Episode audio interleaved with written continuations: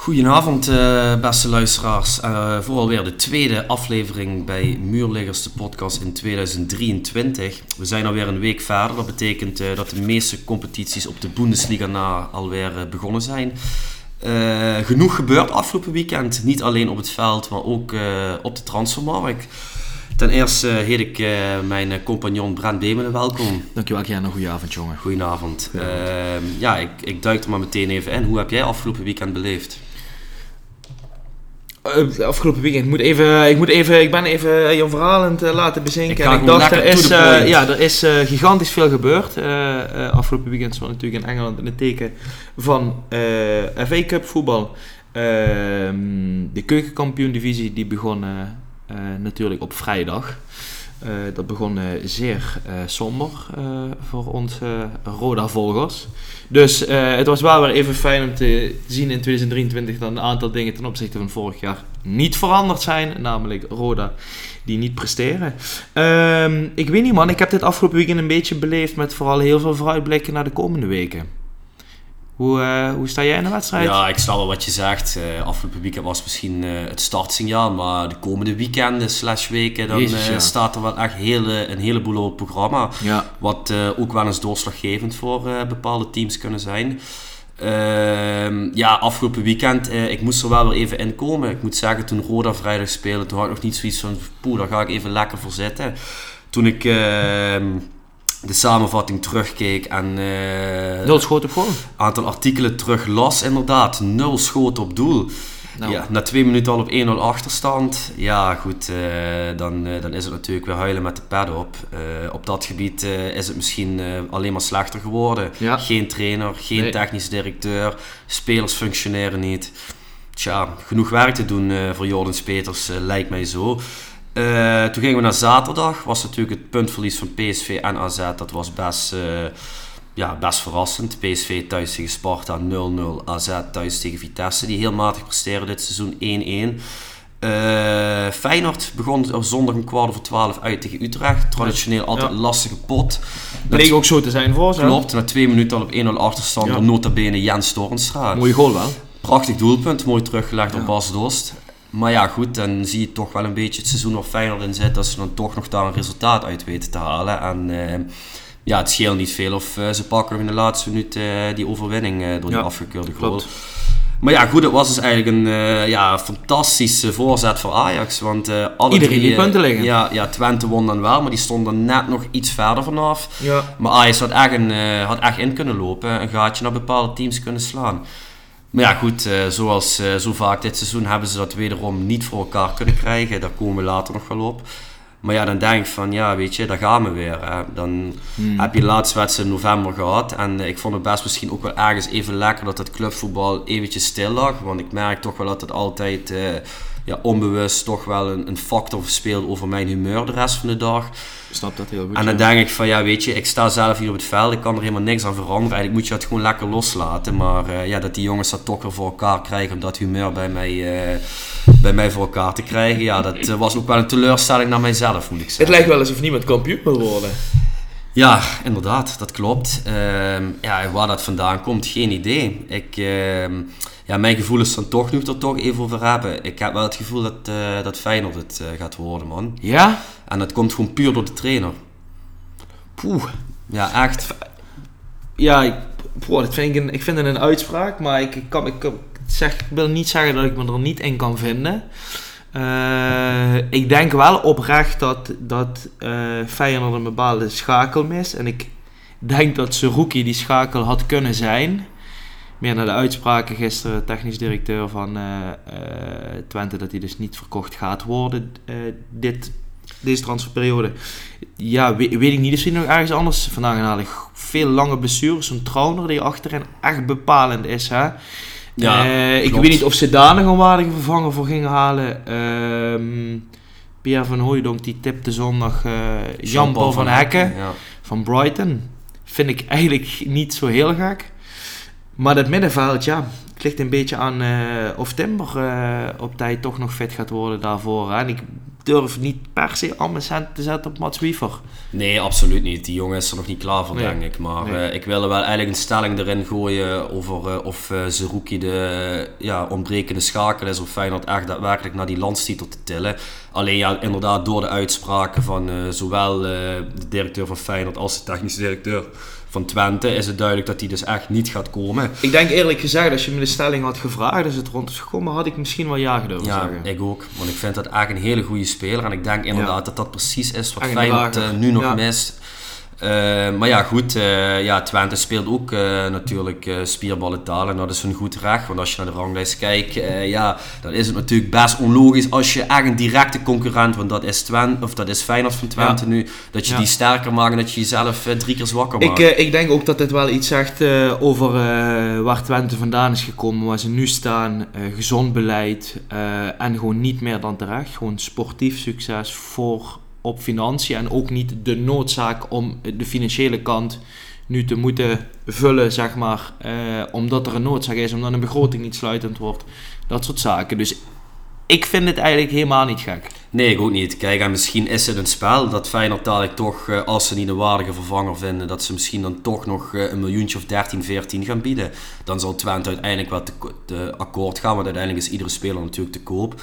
En Zerouki heeft zelf uh, ook heel duidelijk laten merken dat hij eigenlijk wel heel graag de stap wil maken. Dat begrijp ik ook. Alleen, ja goed, ik, ik kan eigenlijk iedere positie van, ja, van welke kant dan ook, kan ik wel heel goed begrijpen in deze situatie. Ik denk wel als Feyenoord dan, want je leest nu bijvoorbeeld heel veel de naam van Tony Vilena die dan dat gat moet opvullen. Ja. dat vind ik dan toch wel een niveautje minder dan Zerouki, als ik eerlijk ben. Ja, ben ik met je eens. Het is wel een jongen met gigantische, wat meer ervaring, ook op internationaal niveau. Verschillende competities, dus een doorgewinterde middenvelder durf ik wel te stellen ik denk wel dat hij nog steeds goed genoeg is Vilena om mee te komen eh, in de top 3 van de Eredivisie. Dus, dus uh, ik vind het ook niet per se een gekke gedachte. Ik denk liever, als ik Feyenoord supporter zou liever een, een, een Tony Vilena en toch wel in zekere zin een jongen van de club terughalen. Dan ergens tweede divisie Spanje een of ander talent halen die eerst weer een half jaar...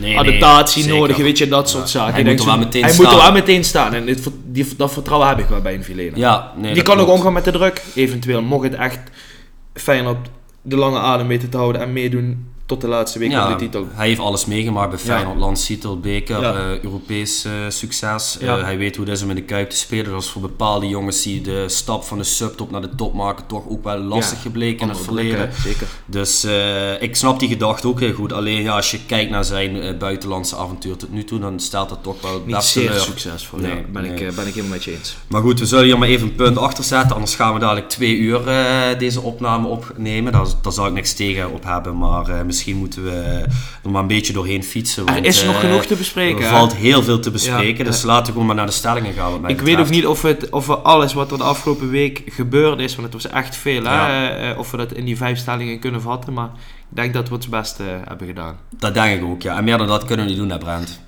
Mooie woorden, nog. Nou, daar gaan we dan. Stelling 1. De verstandhouding tussen Schreuder en de spelersgroep van Ajax is niet meer te redden. Uh, eens. Eens. Stelling 2. Als Twente komend weekend wint van Ajax, doen ze mee voor het kampioenschap. Eens. Daar ben ik het ook mee eens. Stelling 3. Erik ten Hag maakt een gigantische fout met het aantrekken van Wout Weghorst. Eens. Nou, ik zeg oneens. Stelling 4. De keus van Joe Felix voor Chelsea gaat in negatieve zin tekenend zijn voor de verdere verloop van zijn carrière. Poeh. Eens. Ja, ik zeg ook eens. En tot slot, stelling 5. Garrett Bale is de grootste Britse voetballer aller tijden. Oneens. Oneens. Oeh, dat had ik misschien gedacht dat jij hem voor eens ging. Nee, nou, nee maar goed, daar komen we straks komen terug. Op. Laten we beginnen bij het begin. Um, ja, toen ik de stelling las, had ik wel zoiets van... Ja, oké, we hebben dit misschien al redelijk vaak behandeld tot nu toe, maar... Ja ja, de competitie heeft anderhalve maand stilgelegen. Je, je hoopt dan toch dat je met een uh, nieuwe, frisse moed uh, begint aan het tweede deel van het seizoen. Uh, iedereen staat weer op nul. Je weet, concurrentie heeft verspeeld. En dan speel je uit tegen NEC. En dan, gaat, dan lukt het toch weer niet. Ja, ik moet, ik moet heel eerlijk zeggen, misschien wat, wat achterliggende informatie en context voor de luisteraar. Wij proberen natuurlijk zelf door middel van deze stellingen, die we overigens zelf opstellen, de, de, de, voetbalweek samen te vatten. Ehm, de reden dat ik deze stelling heb ingebracht. Um, was eigenlijk na het interview met Remco Pasveer bij ESPN na de wedstrijd uh, NEC Ajax. En ehm, daarmee rekening houden met het interview wat Schreuder voor de wedstrijd had gegeven. Ook over het vertrek van Blind en dat hij elkaar, ze elkaar niet meer hadden gezien. Uh, en de vragen over wat met Remco Pasveer ging gebeuren. Uh, en Schreuder die aangaf dat er gesprekken hebben plaatsgevonden. En Remco Pasveer die dat tot twee of drie maanden toe gewoon ontkende op Nederlandse tv. Dat de trainer hem niks had verteld over zijn rol bij Ajax. En ik liet het gisteren al een keer vallen, maar als ik dit soort verhalen hoor, ja, dan heb ik echt het idee dat ik een keukenkampioen divisie ploeg ben aan het kijken. Ik vind dit echt, ik vind, ik vind, Ajax wordt op deze manier echt een beetje het lachertje van de Eredivisie. Vind jij, ja, hoe vind jij dat? Ja, ik, misschien vanuit jouw perspectief als, als fan vragen. Want ja, ik, ik krijg hier mijn gedachten niet op, op een rijtje mee gezet. Nee, ja goed, ik, ik wil er natuurlijk best wel even op reageren. Je had inderdaad op vrijdag had je de persconferentie uh, voordat uh, de wedstrijd tegen NEC plaats ging vinden. Dan, toen werden er vragen aan Schreuder uh, over deze situatie gesteld. En toen gaf hij heel duidelijk aan, Remco weet heel goed dat wij met Ajax altijd verder vooruit kijken. Hij is natuurlijk 39 jaar, dus het is logisch dat je op een gegeven moment op een bepaalde manier doorgeselecteerd wordt. Hij zei niet letterlijk van ik heb met Pasveer aan tafel gezeten en hij weet wat er gaat komen, maar hij liet wel de indruk uh, blijken dat hier vaker genoeg over gecommuniceerd is en dat hij weet waar hij aan toe is. Nou goed, kreeg je dus, kreeg je dus op zondag uh, de wedstrijd tegen NEC. Uh, ehm, ja goed, ik merk bij mezelf als Ajax supporter dat ik de lat echt beduidend lager heb gezet dan de afgelopen 5, 6 seizoenen de lat bij Ajax is ook gewoon een stuk lager. Uh, je moet nu al heel blij zijn uh, als je drie of vier leuke aanvallen in een wedstrijd ziet. En als je een wedstrijd wint, ongeacht de tegenstander. Ja, de afgelopen seizoenen keken we alleen van hoeveel gaan we er maken vandaag. Dus dat is wel echt een duidelijke verandering. En ik moet zeggen, die eerste helft tegen NEC, die beviel mij heel goed. Echt vier, vijf grote opgelegde kansen. En dan kijk ik naar Schreuder. Prachtige goal, hè? Moet ik eerlijk zeggen, geweldig uh, samenspel. Absoluut. Ja, en dan kijk ik naar Schreuder en dan denk ik van, ja, weet je, dit kan je die man niet kwalijk nemen. Kijk, uh, er wordt gewoon goed gevoetbald, het veldspel is goed. Ja, je hoeft die bal eigenlijk alleen maar naar binnen te lopen. En dan toch krijgt zo'n Taylor het dan voor elkaar om een vrije schietkans van 7 meter daarnaast te schieten. Er waren nog een heleboel kansen die gewoon echt minimaal tussen de palen moesten, wat dan gewoon naast of over gaat. Ja. Ik denk van ja, dat kan je die man ook niet kwalijk nee, nemen. Niet. Dus toen kreeg ik weer een beetje voor Schreuder. En dan na de wedstrijd komt het interview met Remco Pasveer. Ja, en dan vind ik het echt stuitend uh, om te horen dat je niet met zo'n op- en top professional gewoon niet aan de tafel gaat zitten van luister Remco, we zijn bezig met een Argentijnse doelman, die gaat waarschijnlijk op zeer korte termijn hier naartoe komen. Het kan zijn dat je moet vechten voor je plaats of dat je plaats kwijt bent, maar dan weet je in ieder geval waar je aan toe bent. Ja, ja, ja volgens mij is dat doodnormaal toch? Ja, in, in, in, de voetbalwereld. Ja, ik, ik zou echt niet begrijpen waarom je dat niet zou doen. Maar ja, goed. Ehm, ja, dan zie ik dat interview en dan denk ik van ja, Alfred, jongen, je doet het jezelf ook gewoon echt aan dat nu weer al die kranten over je gaan schrijven, dat al die tv-programma's het weer over je gaan hebben. Ja, je bent gewoon echt je eigen ruit in het slaan. Maar dan krijg ik een breder, hè? Ehm, want ja, je hebt gelijk. En zeker, uh, Schreuder zit oprecht in de hoek dat eigenlijk, al wordt hij kampioen, hij kan het eigenlijk niet meer goed doen. Toch? Dat kunnen we wel stellen. Want dan wordt er waarschijnlijk gezegd, het spel is niet goed genoeg en deze trainer gaat ons nooit verder helpen in de Champions League. Dus eigenlijk, de carrière van Alfred Schreuder bij Ajax was eigenlijk al voor de winterstop voorbij. Uh, en daarmee wil ik zeggen dat ik niet het idee heb dat hij in staat is met deze spelersgroep om het zo 360 graden te draaien. Dat die hele uh, um, hoe zei ik dat, dat sentiment wat rondom die ploeg zit en rondom hem als trainer, dat gaat niet meer veranderen. Ja, ik moet je wel heel eerlijk zeggen, het eerste half jaar van Ten Hag bij Ajax was vergelijkbaar met het eerste half jaar van Schreuder van nu bij Ajax. En toen is het ook kunnen omslaan. Alleen, ik uh, ja, ja, ben heel eerlijk, ik kan me niet voorstellen dat dit nog een succes gaat worden. Nee. nee. Ik moet zeggen, fair point. Laten we hem dan het volle van de twijfel geven. Maar wat ik dan denk, want dat is eigenlijk waar ik naartoe wilde werken Schreuder zit daar natuurlijk niet alleen. Daar zit een technisch hart. Daar zit misschien een teammanager omheen. Je gaat mij nou toch niet vertellen dat van die vier, vijf personen die rondom zo'n selectie hangen, al is het een assistent-trainer, laten we het hebben over misschien wel tien stafleden, dat dan niemand tegen hem heeft gezegd in een van die coachmeetings: wat doen we met Remco? Of dat niemand heeft gezegd: goed Alfred, je wil een nieuwe keeper, die kun je krijgen, 10 miljoen, deze jongen is goed doen. Dat niemand erna heeft gezegd: wat gaan we tegen Remco zeggen? Dat kan toch niet? Nee, ja, ik, uh, ja, schijnbaar snap ik dan niks maar van. Maar dan vraag ik me twee dingen af. Is het dan nou Pasveer die weet, als ik hier op deze manier antwoord op geef, dan zeg ik de trainer in zo'n daglicht, en dan geef ik hem een soort van steek onder water. Misschien een beetje wat met blind ook is gebeurd, misschien botert dat niet. Of is, zien we hier een hele oprechte professional die gewoon heel eerlijk aangeeft ik weet van niks. En zolang ik van niks weet, ga ik ervan uit dat ik steeds eerste keeper van Ajax ben. Ja, ja, zijn antwoorden waren heel professioneel. Maar je zag wel duidelijk aan zijn mimiek in zijn gezicht dat hij zich heel erg aan het verbijten was. Dat hij zich niet ging verspreken wat hij daadwerkelijk over de situatie dacht. En kijk, als jij een jong talent bent en je komt net kijken en je speelt een paar leuke potjes en er komt een aankoop, ja weet je, dan hoef je niet, wat mij betreft, met dat jonge talent om de tafel te zitten van luister, we gaan dit en dit doen, dus weet wat er gaat komen. Maar jij hebt het wel over een jongen die 39 jaar is, die altijd zich van zichzelf van de beste kant heeft laten zien. Dit seizoen keept hij wat minder, maar vorig jaar heeft hij echt veel punten voor Ajax gepakt. Ja, ik vind het, het minste wat je, wat je kan doen is met die jongen om tafel zitten en eventjes de situatie voorschetsen. En weet waar die jongen aan toe is. En de kans geven om misschien te vertrekken. Want hetzelfde geldt natuurlijk. Dat kan nog altijd natuurlijk. Dat kan nog altijd, hè, maar in zo'n gesprek kun je natuurlijk ook zeggen, Remco, dit gaat gebeuren. Als je hier niet mee akkoord gaat, dan is dit nu wel de tijd voor jou om te gaan activeren. Toch? Ja, om op zoek te gaan naar wat anders. Want wat gebeurt er nu met Jay Gorter? Die zal waarschijnlijk verhuurd worden. Oké, maar snap je, maar daar zullen ook gesprekken over moeten hebben plaatsgevonden. Dat is natuurlijk, kijk, Maarten Stekenburg, die vindt het allemaal prima. Die zit denk nu die mag dit seizoen af en dan gaat hij definitief met pensioen. Dus dat snap ik wel. Dat is een jongen voor de kleedkamer voor erbij. Maar het is natuurlijk, door het halen van een nieuwe keeper heb je in principe twee spelers die op dat moment niet weten waar ze staan. Hè, Pasveer en Gorter. En dan denk ik, ik kan me bijna niet voorstellen dat bij, laten we het dan maar even zeggen, de grootste club van Nederland. Dat er niemand is in die hele organisatie, van algemeen directeur tot aan de assistent-trainer, die gedacht heeft: we moeten het gesprek aangaan. Ja, ik denk dat er een uh, heleboel uh, mensen op de post binnen en op het bestuurlijk niveau bij Ajax zitten die uh, gewoon niet capabel zijn voor de functie. Want als ik heel eerlijk ben, denk dat er echt totaal geen leiding uh, meer is uh, binnen Ajax sinds het vertrek van Overmars. En uh, ja, dat, dat zie je denk ik ook toch indirect aan de prestaties op het veld. Dat merk je, dat, ja, je merkt gewoon als, als, als mensen binnen Ajax met een bepaald statement naar buiten komen, dat of een groot deel is er niet van op de hoogte, of een groot deel schaart zich daar niet achter. En dan krijg je wrijving in die organisatie. Ja, je hebt gewoon geen eenheid. En je hebt gewoon geen eenheid, nee, dat klopt. En uh, ja, dat, dat hoeft voor mij niet alleen maar de schuld van Alfred Schreuder te zijn, maar dit specifieke voorval, dat kan je me echt verwijten. Dat vind ik echt uh, heel schadelijk. Uiteindelijk is hij natuurlijk de leider van het technisch hart, hè, hoe je de, hoe klopt. Je de, hoe je de Hij is verantwoordelijk, ja. Ja, en, en um, ja, ik vraag me ook oprecht af, want ik, ik moet heel eerlijk zeggen dat ik Ajax ondertussen denk ik alweer met een speler of twee, drie gelinkt heb zien worden. Wat jongere gasten, buitenlandse gasten ook. Maar als hij deze aantallen en deze selectie al niet helemaal lekker gemanaged krijgt, hoe, hoe, uh, hoe gaat hij dat dan doen met dadelijk nog twee of drie winterse versterkingen? Je hebt nu al jongens die, die zich die ziek melden omdat ze eigenlijk niet meer willen spelen. Ja, die geruchten gaan, zeker, dat weten we niet, die geruchten gaan. Maar ik bedoel, dat soort geruchten komen natuurlijk ook niet zomaar.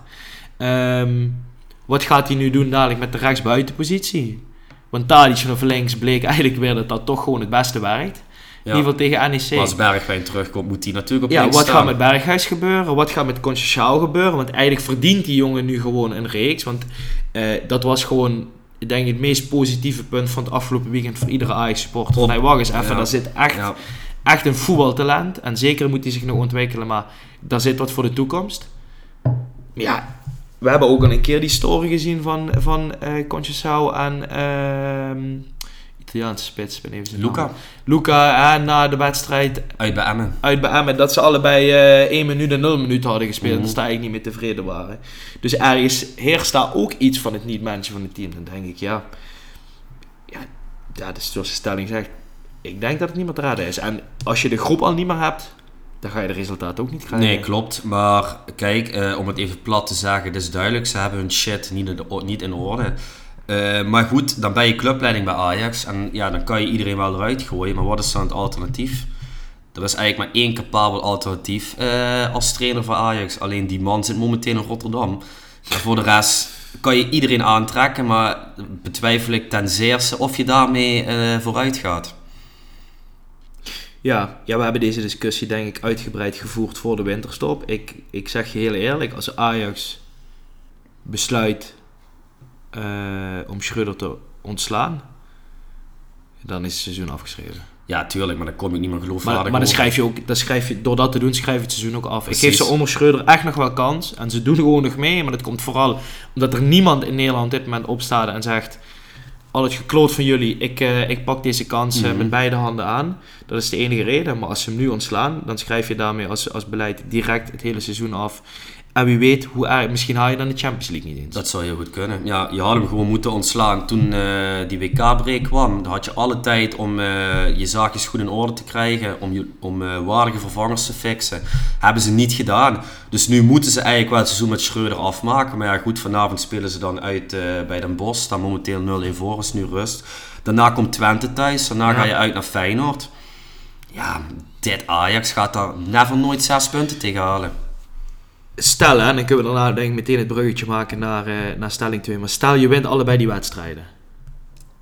Ehm, en ondanks het groezemoes in de selectie, vindt Schreuder dan toch voor vier of vijf wedstrijden op rij een soort van basis 11 verdwijnt. En of dat dan nou met Conceição op rechts is of Tadic of wat dan ook.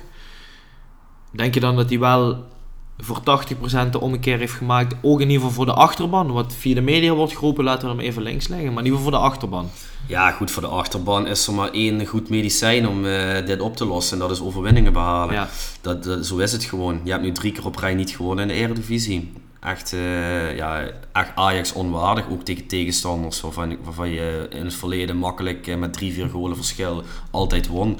Ehm, kijk, en dan komen, kunnen er altijd wel mooie analyses komen en mooie verhalen, maar die sporters die willen natuurlijk maar één ding en dat is punten pakken.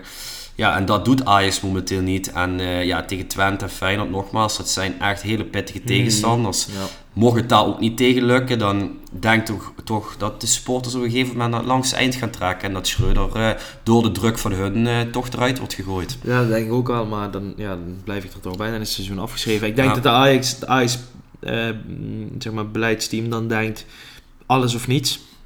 Iets voor die groep zetten in de hoop om de Champions League nog te halen. Maar ik denk dat dat zeer averechts gaat werken. Daar ben ik ook bang voor. Dan kan je, wie, welke speler je dan ook haalt, dat gaat het verschil er niet maken. Als dat soort dingen niet goed in, in, in orde zijn, dan, eh, ja, dan houdt het verhaal op. Ja, mee eens. En als we dan, eh, als we dan even doorkijken naar komend weekend.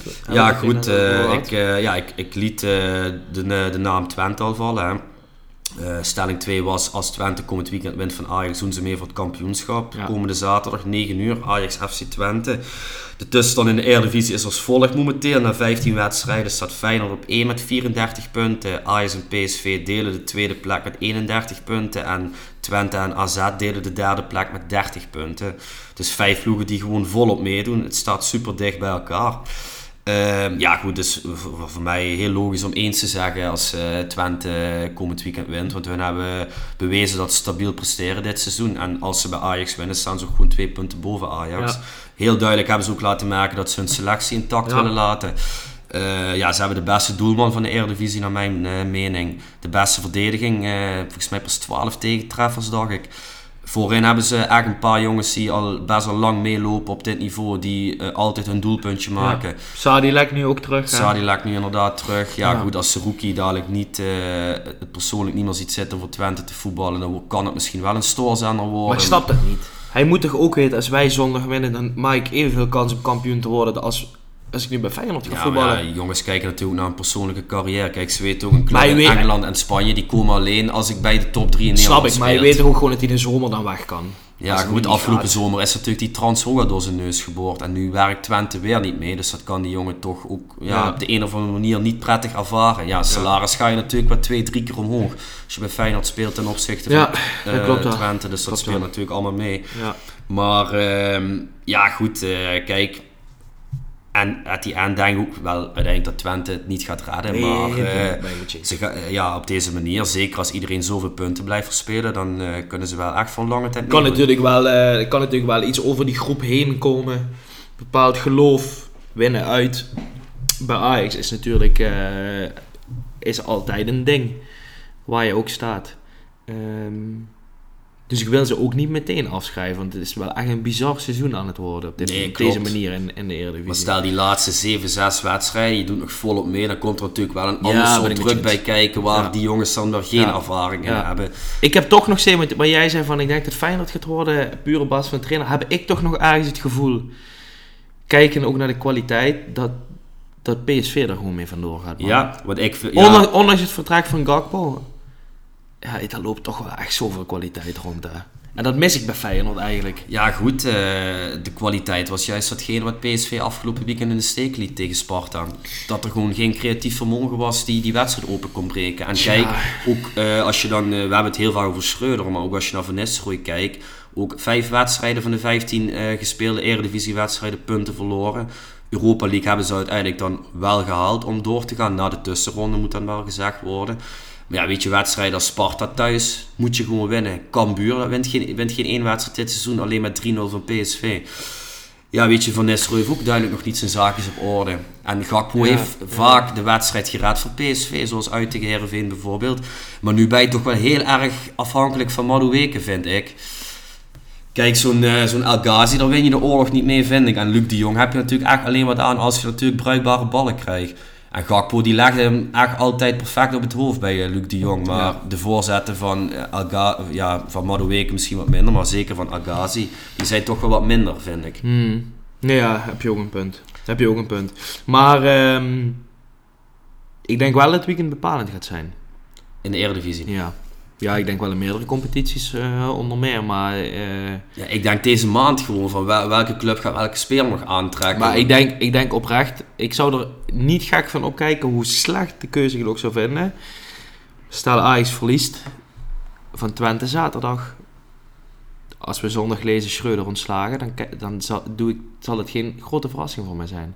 Nee, dat snap ik ook wel. Alleen wat ik dan wel onbegrijpelijk vind, is dat je hem dus de kans nog geeft, terwijl je de competitie anderhalve maand stillegt en dat je dan na twee wedstrijden Meens. alsnog ontslaat. Ja, meens. Dat zou, zou de domste zet ooit zijn, want dan ontneem je een nieuwe trainer, wat geen enkele trainer ooit in de historie van van het voetbal heeft gehad. Een soort van pre-season midden in het seizoen om te werken met een groep van een week of zes. Ja. Om vervolgens de, nu, de huidige trainer twee weken daarna te ontslaan. Precies, ja. Dan, dan, krijg je zo, dan krijg je gewoon nog meer paniek in de tent. Ja. En uh, ja, weet je, dan kan je wel Peter Bos aanstellen om die daar neer te zetten. Maar dat is ook een trainer die altijd maar een wedstrijdje of tien nodig heeft voordat zijn team pas rendeert naar het vermogen zoals hij dat wil zien. Dus ja, uh, ja ik, uh, ik denk echt dat ze er alles op alles hebben gezet om het seizoen met Schreuder af te ja. maken. Alleen op een gegeven moment wordt dat natuurlijk uh, onhoudbaar. Ja. Zo simpel is het. wil je nog iets kwijt over de Nederlandse competitie? Nee, ik denk dat we hem redelijk hebben, hebben afgetikt. Hè? Ja, oké, dan gaan we naar Engeland. Maar dan heeft het, het thema waar we het nu over gaan hebben wel nog een klein Nederlands steentje. Uh, we hebben het er uh, de afgelopen week over gehad. United heeft een spits nodig. Dat is echt iets wat heel erg noodzakelijk is, want de spoeling in de breedte is gewoon ontzettend dun. Ja goed, de eigenaren hebben heel duidelijk uh, laten weten dat ze deze maand geen geld er meer in gaan steken, gezien het feit dat ze de club willen verkopen. Dus dan weet je dat je uit een andere vijver moet vissen. Maar toen ik de naam Wout Weghorst las, toen dacht ik wel van poeh. Dat is wel een vijver waar ik eigenlijk geen rekening mee had gehouden. Wat was jouw eerste reactie? Ja, ik denk dat mijn eerste reactie, uh, de eerste uh, reactie was van vele Nederlanders. Uh, dat ik het idee heb dat Den Haag een zeer verkeerde keuze aan het maken is. Omdat ik kan begrijpen waarom dit op papier een leuke deal is. En waarom dit op papier een, een makkelijke deal is, die weinig geld kost en die in potentie een hoog rendement kan hebben voor hetgeen waar die voor gehaald wordt. Maar ik heb een idee dat wij de afgelopen jaren, mede door het feit dat hij zelfs is worden opgeroepen voor Nederlands elftal, waar ik moet zeggen, waar ik in zijn Wolfsburg-periode daar voorstander van was, maar de laatste jaren wat minder. Wout Weghorst wordt een beetje weggezet als een pinch hitter. Maar Wout Weghorst is helemaal geen pinch hitter in mijn optiek. Wout Weghorst is geen Luc de Jong die je 44 ballen geeft waarvan hij er 43 rechtsboven in het hoekje kopt. Um, we hebben natuurlijk allemaal vers op het geheugen de, de kamikaze invalbeurt van Wout Weghorst tegen Argentinië. Maar met alle respect, voor mijn gevoel was dat meer geluk dan wijsheid. Uh, en daardoor denk ik dat um, als dit niet uitpakt, en stel, om wat voor reden dan ook, laten we vooropstellen dat United bezig is met een geweldige reeks en Ten Hag ook. Maar stel, dit pakt verkeerd uit en Ten Hag haalt alweer een Nederlandse jongen die die kent.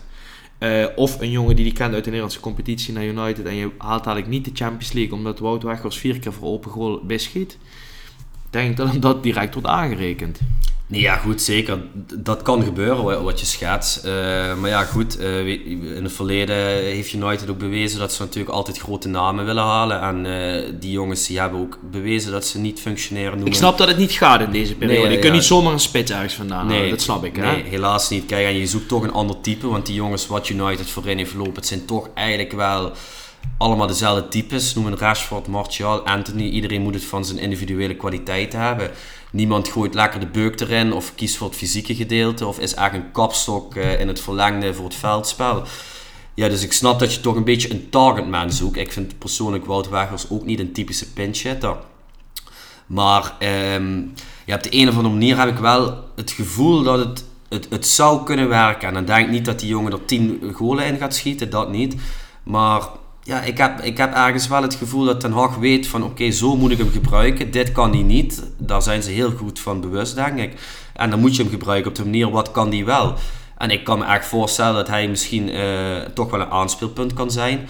Waardoor andere jongens om hem heen beter kunnen renderen. Hij zal uiteraard niet voor de basis worden gehaald. Maar ja, de spoeling is zo dun voorin. Dat je gewoon wel een extra optie daar moet hebben. En dat had je toen op tijd met Igalo ook. Die jongen die zat in de Chinese competitie.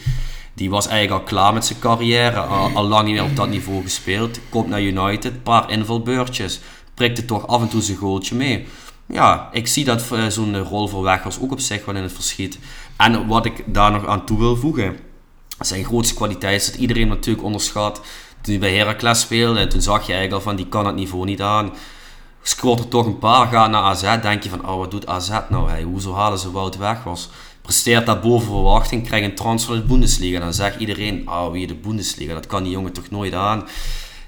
Kan die wel aan, Nederlands elftal zelfs gehaald. En nu denk ik ook van Wout Weghorst in een Manchester United shirt. Ja, ik vind het echt groot krom, krom is de wereld, jongens. Dat kan toch niet? Dat had ik ook persoonlijk bij Luc de Jong in een Barcelona shirt. Maar uh, ja, ik... ik... ik... ook, laat ik dat voorstellen, ook een hele rare keuze. Maar daar dacht ik, Koeman en Luc de Jong is de definitie van een pinch op Europees niveau. Nee, oké, maar Koem, de Koeman wist hoe je Luc de Jong moest gebruiken. Denk je niet dat Den Haag ook weet hoe die Wout Weghorst moet gebruiken? Uit welke periode dan? Zeg maar gewoon omdat het een Nederlander is? Kijk, Luc, Luc de Jong en Koeman die hadden samengewerkt bij Oranje. Dus dan kan, ik me, dan kan ik dat voorstellen. Plus, het is een jongen in de Spaanse competitie, kent zijn competitie. We moeten nu natuurlijk ook niet doen. En zeker snap ik dat Wout Weghorst waarschijnlijk vaker in stelling wordt gebracht bij Man United dan bij Burnley. Maar wij dachten allemaal, oh nou Burnley, ja, Wout Weghorst, het kan misschien toch wel eens de stap zijn om Burnley erin te houden in een moeilijk seizoen. Want op dat moment kwam hij natuurlijk van Wolfsburg, Harderwijker, Burley was op dat moment een knokploeg. Um, Twee doelpunten in 24 wedstrijden. Maar ik denk dus dat Burnley daar echt een fout in heeft gemaakt. Want ik denk dat hun echt dachten dat ze een hele andere type speler binnenhaalden. Lange bal naar voren, kan die bal verlengen, kan die bal vasthouden, maak oorlog voorin, et cetera. En dat heeft inderdaad niet gewerkt. Maar ik denk bij United, waar je toch vaker eh, wel de bal hebt en vaker op de eh, helft van de tegenstander speelt, dat hij daar beter in stelling kan worden gebracht dan bij een Burnley. En natuurlijk, ze hebben niet samengewerkt in het verleden, maar ik denk wel echt dat Ten Hag heel goed weet wat zijn uh, kwaliteiten zijn en hoe je hem moet gebruiken. Ik kan me voorstellen op dit moment als, uh, als United supporter, uh, meer door de goede reeks, door het feit dat je, dat je denk ik ziet dat de spelers gaan geloven in, mm, of meer geloven in de trainer dan in de vorige trainers, dat je het gevoel hebt dat, oké, als de trainer dit wil, dan, dan doen we dit. Maar um, ja, ik krijg, hem, ik, krijg hem niet helemaal, ik krijg hem niet helemaal rond. En ik denk oprecht dat dit eens heel slecht zou kunnen uitpakken voor Ten Hag. Alleen de vraag is natuurlijk... Welk verwachtingspatroon wordt er geschetst en is er? Ja, je moet geen verwachtingspatroon nee, hebben. Nee, maar welk verwachtingspatroon is er voor Ten Hag voor United in dit seizoen? Met iedere supporter ging natuurlijk het seizoen in met... Champions League zou mooi zijn, maar laten we er rekening mee houden dat misschien de vijfde plek het hoogst haalbare is. Dus daar tekenen we voor. Alleen wat je nu krijgt, omdat United acht, negen wedstrijden achter elkaar winnen in alle competities. Uh, ten Hag, trainer, is die snelst bij 20 overwinningen is. Allemaal van dat soort loze statistieken natuurlijk. Komt er nu een bepaald sentiment over die ploeg. En bij die achterban van... hey, wacht eens even. Als we dit weekend winnen van City... Of we pakken een punt en winnen de week daarna bij United of bij Arsenal en pakken een punt. Dan doen we gewoon mee voor het kampioenschap. En dan denk ik, oké, dat kan hè. Je zou kunnen stellen, net zo goed als Twente, dat dat op dat moment het geval is. Maar dan is Wout Weghorst niet de definiërende schakel. En dan denk ik... Ik vind het... Ik, ik, voor mij oogt het redelijk overmoedig. Ja, goed, het is uiteraard een gok. Hè. Het is geen zekerheid dat dit gaat werken. Alleen je bent natuurlijk op voorraad. Uh, denk je van, oh, Wout Weghorst bij Manchester United. Dat is toch gedoemd om te mislukken? Welke idioot haalt die Wout Weghorst nu naar Manchester United? Alleen ja, ik, ik zie het niet zo uh, negatief in als het overgrote deel in Nederland. Kijk, en daarnaast, uh, ja, anders was je misschien bij namen als een Arnautovic uitgekomen of zo. Ja, die wilde die eigenlijk in de zomer al. Ja, ja daar heb ik ook van gezegd, wat ben je mee bezig? Dat had ik erger gevonden. Daar ben ik heel erg in. Eh, snap ik en kan ik me in vinden. Alleen van de andere kant, die heeft zich wel al tot twee maal toe bewezen in de, in de Premier League, in de competitie. En Wout Weghorst heeft zich niet bewezen, sterker nog hij is van alle clubs waar hij is geweest, zou je kunnen zeggen dat hij bij één club is gefaald. En dat is bij Burnley. Klopt. Snap je? En ik denk gewoon... Eh, dan hebben we hetzelfde over Zerouki van Twente naar eh, Feyenoord. Kan hij de stap aan? En Vilena kan dat wel. Besef Wout Weghorst zelf wat voor club Man United is. ik snap natuurlijk als je Wout Weghorst bent, dat is hetzelfde als wij nu nog gescout worden door Roda. Dan zeg je altijd ja. Ja, daar, daar kan je het niet vergelijken inderdaad. Ja, ja nee, maar ja, Dat, dat, is gewoon Nee, maar dan zeg je altijd ja. Ja, tuurlijk. Maar totdat hij dadelijk op Old Trafford moet invallen bij, bij 0-1 achter uh, uh, tegen Spurs bewijzen van... En heel Old Trafford denkt, Wout Weghorst schiet er eens even twee in. Ja, nee, maar dan heb je geen verstand van voetbal als, als je die gedachtegang hebt. Nee, wat snap je? Nee, kijk, dan moet je natuurlijk wel heel reëel en rationeel instaan. maar uh, kijk, uh, zo'n Weghorst, uh, die heeft in het verleden ook best wel vaak de naam gehad dat dat niet een hele makkelijke jongen in de groep is. Maar ik ga er wel vanuit dat Ten Hag hem heel duidelijk maakt van, kijk, Wout, het kan ook zijn dat je dadelijk vier of vijf wedstrijden op de bank zit en geen minuut speeltijd krijgt. Ik kijk, mag hopen dat hij met die verwachtingen ja, uit komt. Kijk, en die rol, ik ga er inderdaad vanuit, dat accepteert hij dan ook gewoon. En dat is dan toch wel lekker dat je zo iemand in je selectie hebt. Of voor de rest zijn het natuurlijk toch best wel allemaal mannetjes. Het is natuurlijk een wereld van verschil tussen uh, eigenlijk... ja, het is bijna lachwekkend dat ik dit zeg. Maar je zou natuurlijk kunnen, kunnen zien dat, dat Weghorst is gehaald als de vervanger van Ronaldo. die, die eigenlijk in de selectie van Ten Haag deze rol had. Toch? Begin van het seizoen, namelijk. Oh. Als het niet loopt, gooi je erin. Ja, toch? Niet? Ja, daar heb ik even geen antwoord op. Ja, nee, ja, goed. Ronaldo is weg. Dus nee, maar ik viel een positie weg. Dus Weghorst is de opvolger van Ronaldo. Ja, nee, dat klopt. Ik weet al wat de titel van deze podcast gaat worden. Bij deze, inderdaad. Hoeven daar niet over na te denken.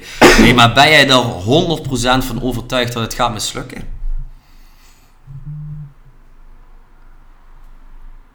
95%. Oké, ja, ik, het, het even, geluid viel niet weg, dames nee, en heren, maar Brent is er even, er even stil van. Oké, dus, er zit, dan, dus er zit dan toch iets diep van binnen jou dat je denkt van ja, misschien is het nog helemaal niet zo gek dat ze hierbij uit zijn gekomen. Weet je wat mij, uh, het, het, pijn om te zeggen wil ik, niet, uh, wil ik niet doen, maar ik maak me daar enigszins, uh, vooral voor de komende seizoenen, zorgen om. Maar ik schrik ervan hoe snel Ten Hag het aan het draaien heeft gekregen.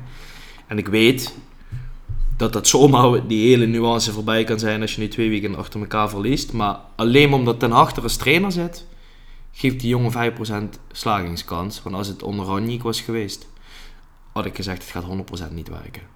Dus het zijn alle credits naar Erik ten Hag en het werk wat hij tot nu toe heeft verricht.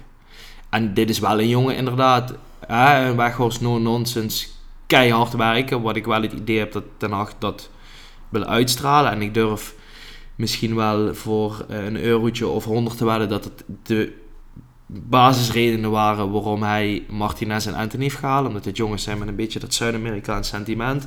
Martinez heeft natuurlijk eigenlijk de verdediging van United getransformeerd.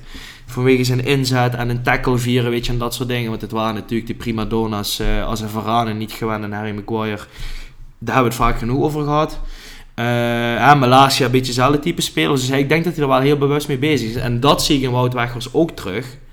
Uh, maar, dat is, wat, dat is wat ik zeg, alleen omdat hij achter zit, geef ik, hem die, geef ik hem die kans. Nee, ja, want kijk, als je bijvoorbeeld naast Martial zet, kijk, Martial is een alles beter en heeft veel meer kwaliteit en veel meer potentie. Alleen die heeft natuurlijk wel dat flegmatiek over zich heen, dat hij niet altijd ieder duel 100% geeft. Nee, die jongen, die, als je naar die jongen kijkt, zeg je, die heeft al drie weken niet meer geslapen. Dat, die uitstraling Precies, over zich. kijk, en, en als je er iedere wedstrijd twee inschopt, dan fans dat voor jou, dan vinden ze dat prima, maar dat doet hij ook niet. Dus het kan zomaar dadelijk zijn als Weghorst een engeltje op zijn schouder heeft en uh, iedere bal wat hij aanraakt, die, die vallen nog. Dat die supporters liever Weghorst in de spits zien dan Martial, wat eigenlijk de omgekeerde wereld is.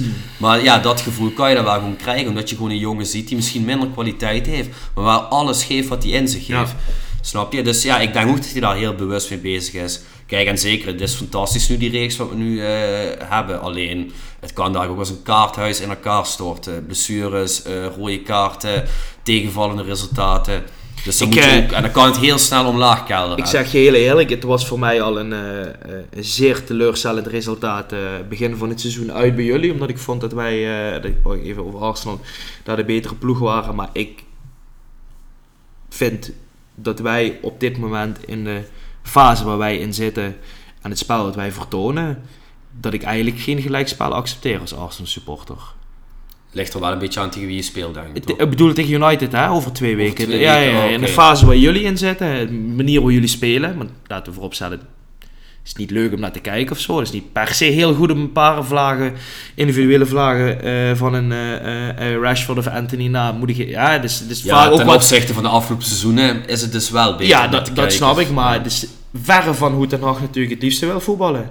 Um, dus, dus ik zou daar wel in zekere zin teleurgesteld zijn. Maar ik heb wel echt het gevoel dat ondanks de reeks die jullie nu op de man het leggen zijn dat Den Haag wel nu in ieder geval wat credits heeft opgebouwd. Wat hem de tijd gaat geven om er echt wat van te maken. En dat is natuurlijk waar we vooral na de eerste twee, drie wedstrijden bang voor waren. Ja. En eigenlijk aan de start van zijn carrière. Dus ja, ondanks de reeks tegen ploegen waar je van moet winnen. En de weekenden die er nu aankomen. Um, vind ik het alsnog een risicovolle beslissing. Daar blijf ik bij. Nee, ja, absoluut, absoluut. Maar ja, goed, op dat gebied wordt hij ook niet echt gesteund door de clubleiding. Dus um, ja, ik vind, stel het, het, stel het gaat niet lukken, wat heel goed kan, dan vind ik niet dat je het helemaal uh, op hem kan afschrijven. Want als de clubleiding nee, zegt van hier Erik, je hebt 50 miljoen, ja, natuurlijk komt er dan een andere ja. speler dan Wout weg was. Ja, over die uh, andere speler uh, gesproken, ehm, die werd zowel aan United als Arsenal gelinkt. Hè? Maar hij gaat naar een andere club in Londen. Hè? En uh, het blijkt dat dat een eigen keuze vooral is geweest. Ja, dat zegt hij inderdaad. Ja, geloof jij dat of denk je van dit is echt uh, weer typisch zo'n standaard praatje om de supporters voor me te winnen en uh, here we go? Ja, de stelling was uh, natuurlijk... De, ik zal nog één keer herhalen, de keuze van Joe Felix voor Chelsea gaat in negatieve zin tekenend zijn voor de verdere verloop van zijn carrière. Wij zijn er beide eens. Jij moest er wel lang over nadenken, toch? Ja, ja, het heeft eigenlijk voor mij één reden dat ik er lang over moet nadenken. Dat is namelijk dat Chelsea op dit moment met zoveel blessures komt. Dat hij wel moet gaan spelen. Die jongen kan van links, van rechts, centraal en centraal aanvallend natuurlijk uh, uh, van start gaan. Dus wat dat is een hele flexibele jongen. Alleen zag ik dat die knul al sinds 2019, maar tot nu toe 9 doelpunten in de competitie heeft gemaakt. Ik las vandaag dat Alba zelfs weer weg wilt. En vanwege de regel dat je maar twee clubs in één seizoen mag hebben, is er dus maar één kant die die op kan gaan. En dat is Barça. Ehm, ze spelen al met Havertz in de spits. Ik, ik, ik denk niet dat hij het verschil gaat maken. Ik zeg je eerlijk. Ik sta er oprecht van te kijken. En dan ga ik er even van uit dat het echt zo is. Want er werd, uh, ik denk, een dag voordat definitief bekend werd dat er in de Chelsea ging, werd uh, vanuit zeer betrouwbare bronnen gezegd dat Arsenal zowel voor Moedrik als voor Joe Felix bezig was. Dus dat wij echt de intentie hadden om hem ook te halen. Als hij Arsenal heeft laten schieten om nu meteen bij Chelsea te tekenen en daar misschien wat meer salaris te krijgen of misschien de stap eerder te kunnen maken, denk ik echt dat het zijn grootste fout carrière gaat zijn. Ja, wat ik gewoon niet begrijp, weet je, eh, ja, het talent van die jongen dat staat buiten kijken. Die jongen heeft echt een fantastisch talent. Heeft hij 23 pas 23 pas, uh, ja. ja. de hele wereld ligt eigenlijk voor zijn voeten. Alleen ja, dit is wel echt een fase in zijn carrière waar het wel echt belangrijk is dat je de juiste keuze maakt. Kijk, op voorhand weet je dat natuurlijk nooit. Maar je weet wel, als je naar Atletico Madrid gaat en wat voor team je terecht gaat, komen en, wat voor, en wat, uh, voor wat voor trainer je gaat spelen. Misschien moet ik nog wel wat woorden terugnemen. Misschien is dat wel de domste keuze tot nu toe in zijn carrière geweest. Onbegrijpelijk. Dat hij, van Benfica daar naartoe is gegaan. Echt, ik snap daar helemaal niks van. Onbegrijpelijk. Maar ja, goed. Maar dan maak je dus nu alweer de verkeerde keuze. Want ik, ik denk oprecht dat United het niet kon betalen. Mhm. En ik denk ook dat dat de reden is dat Arsenal nog niet concreet is geworden. Want de vraagprijs was in eerste instantie volgens mij 16 miljoen. Verplichte huurprijs. ja. En 200, volledige dekking van de salaris wordt volgens mij tussen de 240 en 260.000 euro per week. En dat kwam om en nabij neer op 21 tot 23 miljoen in totaal, het hele pakket. Nou, voor een speler zes maanden te huren slaat dat natuurlijk helemaal nergens nee. op. Ik heb gelezen dat Arsenal op zich best wel, zoals het een totaalpakket van een miljoen of 15 zou worden, het best wel zou overwegen. Want we hebben natuurlijk hetzelfde gedaan met Eudegaard in 2018, 2019, 2019, 2020. Een van die seizoenen. minder geld, hè? Nee, maar we hebben hetzelfde gedaan. We huurden een speler, constructie, die er met zonder verplichte optie te koop. En hebben daarna de zomer daarna pas onderhandeld met Real. Waar we hem uiteindelijk voor een prikje hebben kunnen halen. Maar mm dat terzijde. Maar die jongen, die, die past, wat mij betreft, perfect in dit systeem. Maar nu kiest hij dus ervoor om de nummer 1 van de Premier League. En ik ga niet even nu interessant lopen te doen. Maar het is een feit.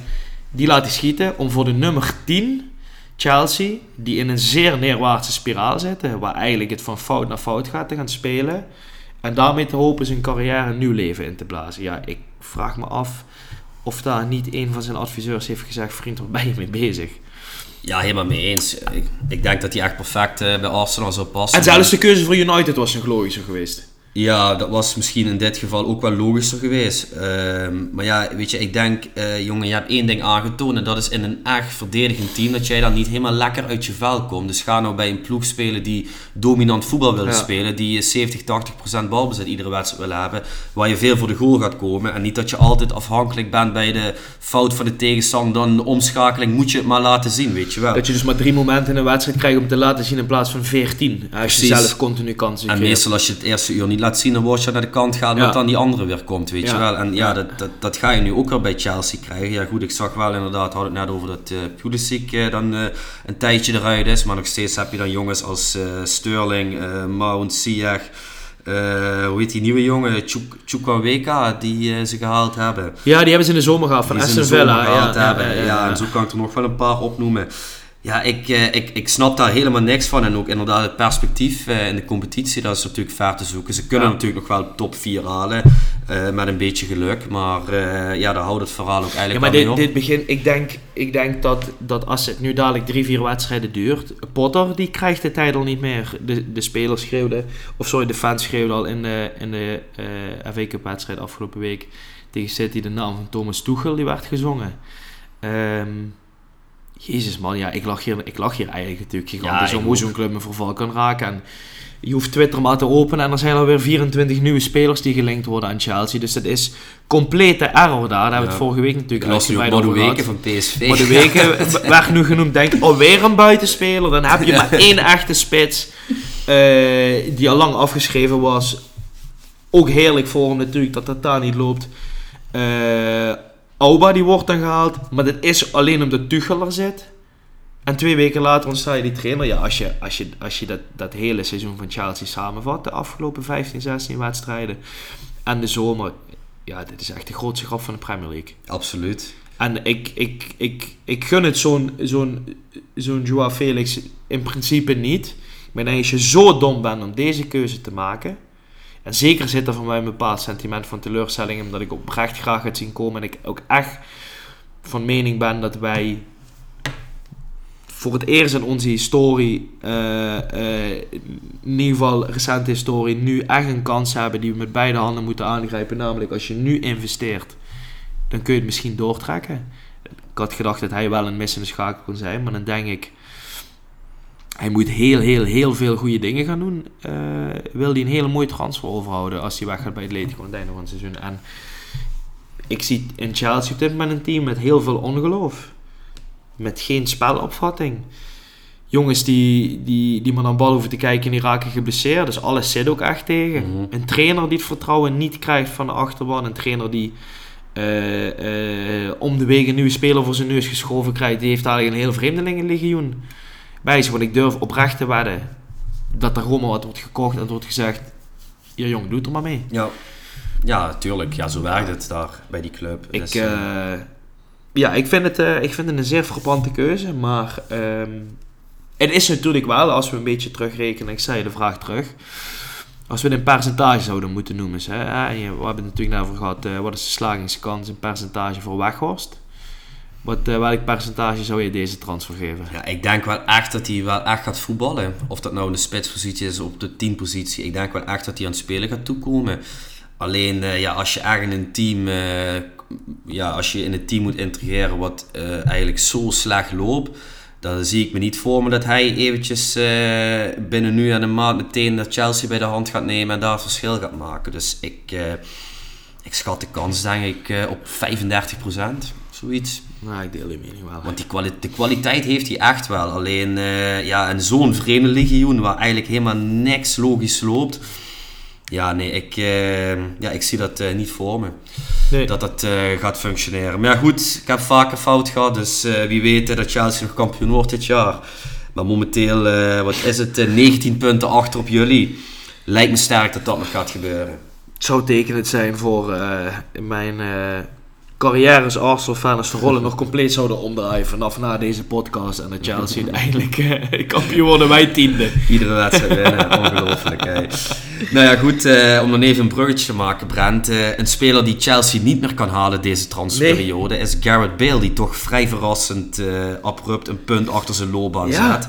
Ehm, goed, het zat er aan de ene kant misschien wel wat langer aan te komen, gezien het feit Garrett Bale heel duidelijk heeft gemaakt dat hij liever op de golfbaan is dan op het voetbalveld. Maar het is toch niet zo lang geleden dat hij een, uh, een transfer maakte naar uh, eh, LA Galaxy. LAFC. Uh, eh, klopt, Galaxy is de andere ja. LA-club, FC moet ik inderdaad zeggen. Dank voor de rectificatie. Maar, en dan begon hij best lekker, ook meteen een prijs gepakt daar. En na het WK zei hij, ik blijf voor Wales spelen. Precies, en nu is hij opeens geen voetballer meer. Dat was wel een verrassing denk ik ook voor jou, of niet? Ja, ik, ehm, en ik weet niet of jij ermee bezig bent, maar ik denk uh, dat we misschien eerst even de prijzenkast van Garrett Bale erbij moeten Oeh, pakken. Ja, heb je even 10 minuten, want uh, dat uh, is wel een, een prijzenkast. Hij heeft volgens mij vanaf, uit mijn hoofd, ik dacht vanaf 2015, ieder seizoen minimaal één prijs gepakt. Ik, dat ik zal vast zeker een mooie sta statistiek zijn, dus geef me even. Ehm, ja, ik, ik, ik, ik, ja, nou. nou, dan doe jij maar, zeg maar. Hij heeft onder andere is hij zes keer voetballer van het jaar geworden in Wales. Hij heeft vijf keer de Champions League gewonnen. Drie keer La Liga. Vier keer uh, de FIFA World Cup gewonnen met Real Madrid. Drie keer de UEFA Supercup. Eén keer de Spaanse beker. Drie keer de Spaanse Supercup. Eén keer de League Cup uh, in Engeland met Tottenham. Eén keer Supporters Shield uh, met LAFC. Eén keer de MLS Cup, ook met LAFC. En hij is één keer speler van het seizoen geworden, namelijk ook bij Tottenham Hotspur.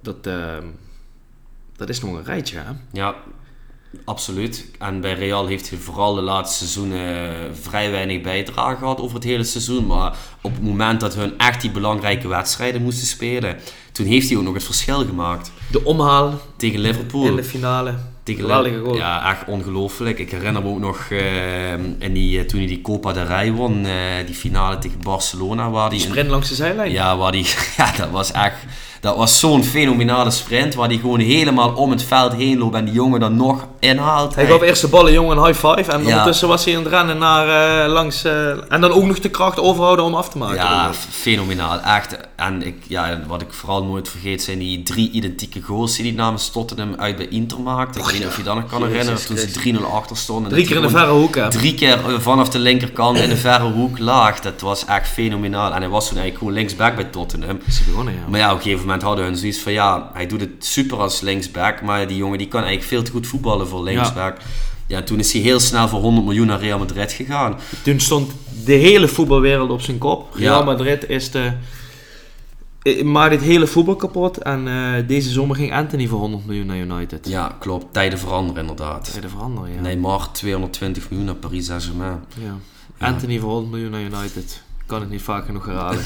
zeg het nog een keer, ehm, Nee, ja, ik, uh, ik vond het wel definiërend, want uh, um, als je gaat kijken puur naar zijn prijzenkast, ja, dan zijn er weinig spelers in de Engelse slash Britse historie die hier aan kunnen tippen. Maar ik denk dat heel veel mensen het gevoel hebben dat Garrett Bale de speler is die het minste uit zijn carrière heeft gehaald. Misschien wel in de historie van de afgelopen, zeg eens 30 jaar. Een jongen met zoveel potentie, maar eigenlijk nooit voetbal op één heeft gehad. Ehm, ja, of, het, uh, of hij dan stip op nummer 1 staat, dat weet ik niet. Misschien dat me daar nog een andere naam binnenvalt. Maar, uh, en dan toch die prijs hebben gewonnen. En, maar ik bedoel... en dan ook het verschil maken op het moment dat het erom om ja, gaat. Maar er zijn natuurlijk heel veel mensen die niet meteen aan Gareth Bale denken als je aan de successen van uh, de vier Champions League van Zidane denkt, bij wijze van. Mm -hmm, klopt. Terwijl hij daar een grote aandeel heeft Wat gehad. ik ook wel durf te stellen is dat hij ook slachtoffer is geweest van het Cristiano Ronaldo-syndroom. Dat wilde ik net even benoemen, ja. Kijk, aan de ene kant kan je dat wellicht incalculeren voordat je daarheen gaat. Want Ronaldo was toen al echt een grote ster toen Gareth Bale daar aankwam. Alleen zoals je ook met Benzema uh, bijvoorbeeld ziet, die nu echt helemaal uh, in zijn tweede jeugd voetbal. Die heeft de kans nog gekregen eigenlijk. Ja. En, en dat heeft te maken denk ik dus met de voetbalinstelling en mentaliteit van Benzema. Ten opzichte van Bale. Ja, klopt. Uh, want trouwens ook nog een kleine rectificatie. Het enige seizoen dat hij geen prijs heeft gepakt was toen hij uitgeleend werd aan Tottenham.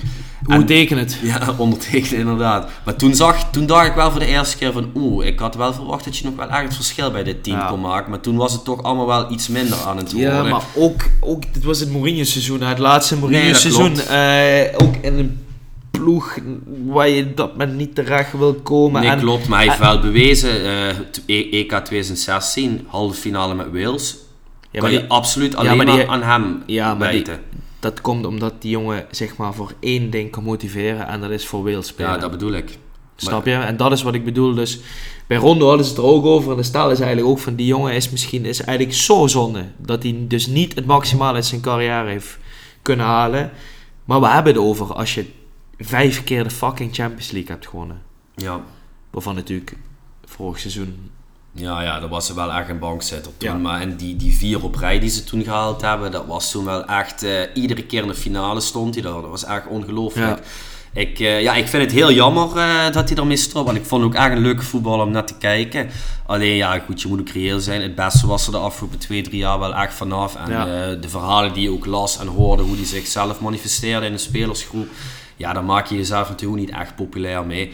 Maar het is treurig dat het op deze manier eindigt. Maar ja, als dit is wat die jongen wilt, uh, wie zijn wij dan uh, om dat uh, tegen te spreken? Ik, ik durf zelfs wel te stellen dat hij op deze manier een waardiger einde van zijn carrière beleeft dan Ronaldo op dit moment. En die ja. is in de zandbak. Ja, ja helemaal mee eens. Ah, ja, en als je dan die, die stelling, want die had jij, jij had de stelling gemaakt. Ehm, dus ik dacht, misschien ben jij het er wel mee eens. Maar daar heb je niet lang over na te denken om dat nee. toch oneens op Nee, te maar het is ook niet omdat ik je nu zeg, uh, er, is een, er is een andere... Uh, per se een andere uh, voetballer waarvan ik nu zeg, die heeft dezelfde prijzenkast. Maar ik denk, als je denkt aan het Engels voetbal...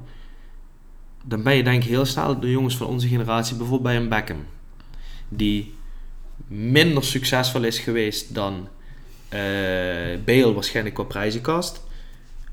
Maar wel, denk ik, veel meer bepaalde manier het voetbal op de kaart heeft gezet. Snap je dan een beetje wat ik bedoel? Ja, zeker. Um, Hetzelfde geldt wellicht voor Gerrard. Misschien ook Gerrard. Zou kunnen. Mooney. Je hebt natuurlijk het verleden jongens als uh, George Best. Gary Lineker. Dat soort namen, weet je wel. Alan Shearer. Ja. Uh, nog steeds uh, het topscorer van de Premier League. Sir Bobby Charlton. Dat soort namen allemaal, snap je? En, en dat, zijn, dat zijn andere tijden. Um, Vind je hem ook groter dan Ryan Giggs? Dat is natuurlijk wel echt, het zijn twee ja, dat, dat denk ik wel. Ja, ja, dat denk ik wel. Ja, als je dan ziet dat zo'n Giggs tot zijn veertigste nog gevoetbald heeft en dat hij heeft zijn niveau ook, hè. Ja. ja en Kijk, ik, ik, ik, ik, blijf erbij, ja. dit is natuurlijk uh, de stelling uh, grootste uh, Britse voetballer aller tijden, is natuurlijk ook op te vatten zoals je dat wilt. Waar kijk je Ehm, graag naar? Ja, en, en hoe, herinner, hoe herinner je iemand? Maar ik denk dat iedereen Gareth Bale de afgelopen vijf jaar herinnert als die jongen die eigenlijk niet wilde voetballen. En dan Ja. één keer kwam opdagen in de Champions En League. dan zou misschien inderdaad die omhaal tegen Liverpool dan nog eh, te boven schieten. En, eh, ja, als hij dan was inderdaad. gestopt, was ik, het, was ik het eens geweest met de stelling, denk ik. Ja? Ja, dat weet ik niet, maar... eh, Nee, maar ik bedoel, misschien het verloop van zijn carrière. En mi- misschien kijken we hier over vijf jaar heel anders op terug. Maar ik denk toch, wat echt definiërend is geweest voor zijn hele carrière, de rode draad in zijn carrière, ja, was eigenlijk gewoon toch een bepaalde negativiteit over hoe hij in de, in, eh, in de wedstrijd stond. Ja, en uh, ja, zelf had hij daar totaal geen boodschap aan. Het interesseerde hem echt helemaal niks hoe mensen over hem dachten. En uh, het, het, ja, het boeide hem gewoon niet. Ja goed, en als je die houding constant aanhoudt, dan, uh, dan weet je eigenlijk wel dat dit nieuwsbericht een keer naar buiten gaat komen natuurlijk. Dus zonde, heel zonde. Maar ja, nogmaals, als die jongen, de stad is wat die jongen wil, dan ja, wie zijn wij dan om hem tegen ja, te spreken? Ja, zeker. Ik, uh, ik wens hem veel plezier uh, met zijn golfcarrière. Het zal me niet verbazen als hij misschien ook de professionele kant op gaat uh, qua golfer. En anders, en als mag hij graag een keer hier aansluiten als hij er tijd over heeft, toch? ja, absoluut. Waarom niet? hij is zeker welkom. Uh, nee, ja, goed Brent, dan hebben we naar mijn mening wel de stellingen behandeld. Wil je nog eventjes vooruitkijken naar komend weekend? Ik wil heel graag vooruitkijken naar komend weekend, jij? Als je nadenkt over... Ja, ja, ik ook wel. Als je nadenkt over komend weekend, wat is dan het eerste wat je te binnen schiet? Uh, zorgen. Zorgen, zorgen. Vertel, verklaar de zorgen. Natuurlijk uh, spelen wij op zondag de wedstrijd der wedstrijden. Het is weer tijd voor de North London Derby. we mogen uit naar Spurs, waar volgens mij een jaar of acht al niet meer gewonnen hebben of een punt hebben gehaald. Waar we ook al een jaar of acht eh, de meest makkelijke penalties ooit tegen krijgen. Uh, dus uiteraard ben ik daar, uh, al, heb ik daar al zeker een gezonde spanning voor opgebouwd. Vooral natuurlijk ook in de fase en het seizoen waar we in zitten. Want iedere wedstrijd voelt nu als bepalend. En daar waar ik drie weken geleden nog niet durfde te spreken over titelkansen. En nee, Champions League halen is het belangrijkste. Uh, ja, kom je er bijna niet meer onderuit, hè? Om te erkennen dat we echt in een titelstrijd zitten. Nee, als je geloofwaardig wilt blijven klinken in de podcast, dan moet je inderdaad zeggen dat jullie gewoon een titelkandidaat zijn. Ja, je wil het jezelf natuurlijk voorhouden. Dus een bepaald... Uh, indekken. Indekken en uh, omdat je natuurlijk niet uh, gigantisch sleurig staat te raken. Maar zondag winnen en zondag erop winnen, dat gaat wel statement zijn. Ik zie het niet gebeuren. Ik zie het ook zomaar gebeuren dat we die alle twee verliezen. En dan heb ik het gevoel dat, dat je toch op een bepaalde manier het leven uit, uh, uit, uh, uit de selectie zuigt. Hè? Door te zeggen van, uh, ja, weet je, dat kan zomaar de ommekeer zijn. Nee, maar... Um, ik denk dat het wel de meest beladen derby gaat zijn van de afgelopen jaren. Wat is dan bij jou in die tussentijd veranderd? Want uh, eh, 3 januari speelde Arsenal 0-0 tegen Newcastle. En toen zei je dat je daar best wel content mee was. Dat ze gelijk spelen tegen de nummer 3. Maar nu zei je net van, ik eis eigenlijk gewoon dat we United thuis winnen. En ik neem aan dat je dat ook voor komende zondag uit ja, omdat we, het hebben, omdat we het eigenlijk hebben over teams die dit seizoen hebben laten zien zeer wisselvallig te kunnen presteren. Met de nadruk op het feit dat we tot twee keer toe al ook tegen deze teams uh, hebben gespeeld. Um, klinkende overwinning thuis tegen Spurs. En een wedstrijd die we niet hadden hoeven te hoeven verliezen op Old Trafford. Ben ik nog steeds van mening. En ik denk jij diep in je hart ook dat we daar niet had hoeven verliezen. Um, en ik schat op dit moment Newcastle hoger in. In ieder geval dan Spurs, man. Dus je zou echt uh, teleurgesteld zijn met een gelijkspel zonder. Ik zou teleurgesteld zijn met een gelijkspel als we de week erop van jullie verliezen. Maar halen we vier punten uit beide wedstrijden, welke volgende dan ook, dan spreek ik over we zijn januari goed doorgekomen. Oké. Kun je daar aan vinden? Ja, nee, ja dat is uh, netjes uh, Want uh, dit is misschien een totale andere vraag, maar voor jou staan er natuurlijk ook twee weekenden op rij die Absoluut. ook zeer bepalend gaan kunnen zijn voor het seizoen. Zowel bij Ajax als bij United, ja. Ajax uh, dit weekend tegen Twente, dat hebben we al besproken, maar... Uh, zat... Oh, top was niet vergeten, hè? Klopt, daar ga ik heen, dus oh, ja, uh, dat kan ik eigenlijk niet vergeten. maar ehm, ja, en zaterdagmiddag trappen we af met de Manchester Derby als er uh, één wedstrijd dit seizoen is, buiten de eerste twee wedstrijden van het seizoen tegen Brighton thuis en Brentford uit, waar we echt compleet zijn weggespeeld, dan is het bij City uit. 6-3 dit seizoen. Dat was echt uh, dramatisch om naar te kijken. 4-0 bij rust. Dus uh, ja, natuurlijk, je bent nu met een fantastische reeks bezig. Maar ik moet zeggen, vorige week hebben we dan ook Chelsea City gekeken ja, City vind ik wel nog altijd wel echt een paar gradaties hoger dan, uh, dan dit Manchester United. Dus uh, dat is, kijk, stel we halen daar een punt tegen, dan ben ik daar gewoon heel content mee. Um, en ik ben ook heel eerlijk, als we de week daarna uit uh, tegen Arsenal een punt halen, dan ben ik er ook content mee. Begrijp dus op dat gebied, kijk, ik, ja, je hoort het misschien bepaalde United supporters zeggen over een titelstrijd of zo. Ja, dat is echt iets waar ik totaal niet mee bezig ben. Het enige waar ik op uh, gefocust ben is die top 4. Ja, die run dat gaat nu op zich aardig. Maar uh, als je nu twee wedstrijden verliest, wat best realistisch is dat dat gaat gebeuren. Ja goed, dan kan het zijn dat je toch weer een beetje van vooraf aan moet beginnen. Dus uh, ja, ik reken me zeker nog niet rijk. Maar ik ben gewoon heel erg benieuwd wat van weerstand ze tegen zowel City als tegen Arsenal gaan bieden. Ja, ik moet zeggen dat wat ik, wat ik me kan herinneren van de wedstrijd tegen, tegen ons in ieder geval thuis en daar blijf ik bij dat, dat, dat als die goal van Martinelli was doorgegaan, dat die wedstrijd een ander verloop gehad. Ja, die afgekeurd werd uh, onterecht. Um, maar ik, ik was, denk wel dat dat de manier is, en dat heb ik al een paar keer gezegd, hoe je ons kunt verslaan, die manier hoe jullie voetballen. Maar verbaast je dan niet dat niemand anders dat tot nu toe gelukt is? Ja, Newcastle is het in zekere zin gelukt om de deur zo op slot te houden. Al moet ik ook zeggen, waar wij echt Waar ik echt van in positieve zin geschrokken ben, is hoe wij uit de startblokken vliegen. We hebben de afgelopen twee Premier League wedstrijden op rij. Hadden wij in de eerste acht minuten zeven of acht schoten op goal gehad. Tegen Brighton scoor je dan meteen. Tegen Newcastle lukt dat niet. En ik denk zo'n uh, verloop van de wedstrijd gaat bepalend zijn. Ook dus in die, wedstrijd. Stel, stel wij scoren in die eerste 10 minuten tegen jullie, dan ben ik ervan overtuigd dat we eroverheen vliegen. Want dan zuigen we meteen al het leven en geloof natuurlijk uit de United. Want ik ben wel van mening, de afgelopen weken heeft jullie ook gewoon goed meegezeten. Rashford is in vorm. Uh, je speelt tegen tegenstanders die niet heel veel op de mat leggen. Jullie komen vaak op voorsprong, dan is het natuurlijk een stuk makkelijker voetballen.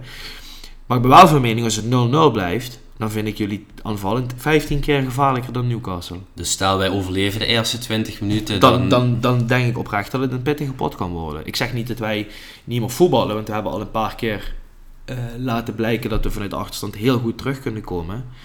Uh, dus dat het team altijd geloof heeft. En ik ben van mening dat wij over het algemeen op dit moment uh, een selectie hebben van heel veel jongens echt in, in bloedvorm steken. Alleen bij United vind ik dat ook. Dus bij United zou ik er nog kunnen, van kunnen leven als het een gelijk spel wordt. Ik vind op dit moment hoe Spurs presteert. Als we daar zondag verliezen, zou ik dat wel een kleine schande durven te noemen. Dus het feit dat ze vorige week met 4-0 uit bij Crystal Palace winnen, dat maakt voor jou dan geen verschil? Nee nee, dat snap ik.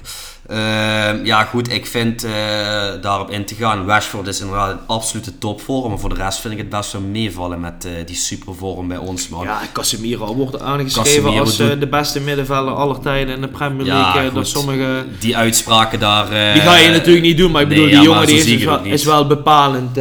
Shaw doet het goed. Shaw doet het goed, inderdaad. Maar Bruno Fernandes heb ik beter gezien. Anthony is absoluut niet in wereldvorm. Martial is absoluut niet in wereldvorm misschien weg was al mee.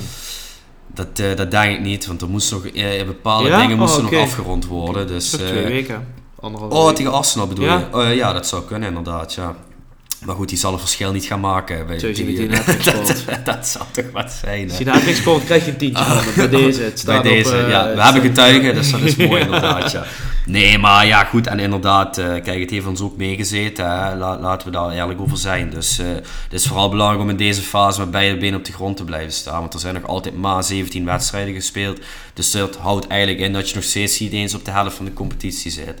Dus uh, eventjes kijken hoe we die maand januari gaan doorkomen met City en uh, Arsenal programma. Ja. ja, dan gaan we gewoon weer door naar februari, waar ook weer de Europa League begint. Heb je ook een pittige tegenstander in Barcelona. Uh, ja. ja. in Barcelona. Inderdaad. Dus uh, er staan genoeg Was helemaal vergeten dat de ja. Europa League ook nog gaat Ja, ja dat gaat ook nog beginnen, Bram, inderdaad. Ja. ja. Dus ja. Uh, ja, genoeg om naar uit te kijken in ieder geval. Ik moet wel zeggen, ik zit er wel echt weer helemaal in. Ja, ik moet eerlijk zeggen, dat zat ik eigenlijk al anderhalve week na het WK. bespraken hier natuurlijk al. Maar ja, ik zit er ook in. Vond de FA Cup weekend vond ik even vervelend. Ja, ik heb dan niet zoveel mee als ik dan op maandagavond naar Oxford Arsenal moet kijken. Als je daar in die kwartfinale of zo zit, dan, eh, dan beleef je dat anders. Maar nu... Uh... Lijkt me sterk, aangezien we uit moeten in de City. Maar goed, ja, dat, dat is allemaal niet erg. Het is een goede test, het hoort erbij. als je een topploeg wil zijn, moet je dat winnen. Ik, waar, ik, waar ik het meeste zeg maar, naar uitkijk, is oprecht wat er nog gaat gebeuren. Deze uh, de komende 20 dagen op het gebied van transfers. Ik lees steeds meer dat, dat Moedrik ergens toch nu wel in de buurt zou moeten komen van, van een afrondende fase. Die jongen die wil maar één ding en dat is naar Arsenal. Hij wil niet naar Chelsea. Hij heeft het zelfs aangegeven op zijn social media kanalen bij een of andere Q&A toen hij de vraag kreeg van een fan. Zou je voor Chelsea tekenen? was zijn antwoord nee. Dus ik kan me niet voorstellen dat Chelsea die deal wegkaapt. Ehm, maar goed, alsnog ben ik van mening dat er toch nog minimaal één jongen bij moet. Dus ik, uh, ik denk ook dat dat heel bepalend gaat zijn en hoe ik uh, uh, in bepaalde positiviteit naar de rest van het seizoen en de eventuele titelkansen ga kijken, man. Ja, snap ik. Ja, ik was even kijken of er misschien nog iets op de transfermarkt gebeurd is. Dat niet. Ik zie wel dat Cambuur Leeuwarden is uitgeschakeld door de treffers in de beker. Dat meen je niet. Ja, die uh, ja, oh, dus, Shorts uh, OT. is begonnen met een 0-3 neerlaag thuis tegen Volendam. En nu uh, uitschakeling in de beker tegen de treffers. 18e plaats in de Eredivisie dat, uh, die hebben daar ook wel eens betere dagen gehad in uh, Leeuwarden. Ik uh, zag vanmiddag dat die treffers op trainingskamp zijn geweest voor deze wedstrijd. Oh, oh dat heb ik gemist. dat heb ik gemist. Ja, nee, ja. Sjors, jij bent binnenkort waarschijnlijk ook weer tijd om aan te sluiten. Ja. Je bent bekend hier in de regio, ja. dus kom een keer langs Heerlen. Ja, ja Sjors, die kunnen we wel over een paar weken kunnen we je aan een baan helpen bij Roda. Wie weet. Ja, ik weet niet of we dat moeten willen. Ja. Ja, Moeten we nog hebben over het nieuws wat eens gisteren ter horen kwam? Uh, betreft. Hans Koning? Dat is al zeker dat dat niet gaat worden. Die heeft een eh, bestuurlijke functie bij nou, Sparta te pakken. Kijk aan, dan dank voor onze anonieme bron die ons deze tip gaf. Ja, die uh, heb ik toevallig op de hoogte gesteld. uh, jongens, als jullie, als jullie een nieuwtje willen geven, doe dat alsjeblieft. Maar hou het alsjeblieft wel bij deze tijd. Jezus, zei. Nee, goed.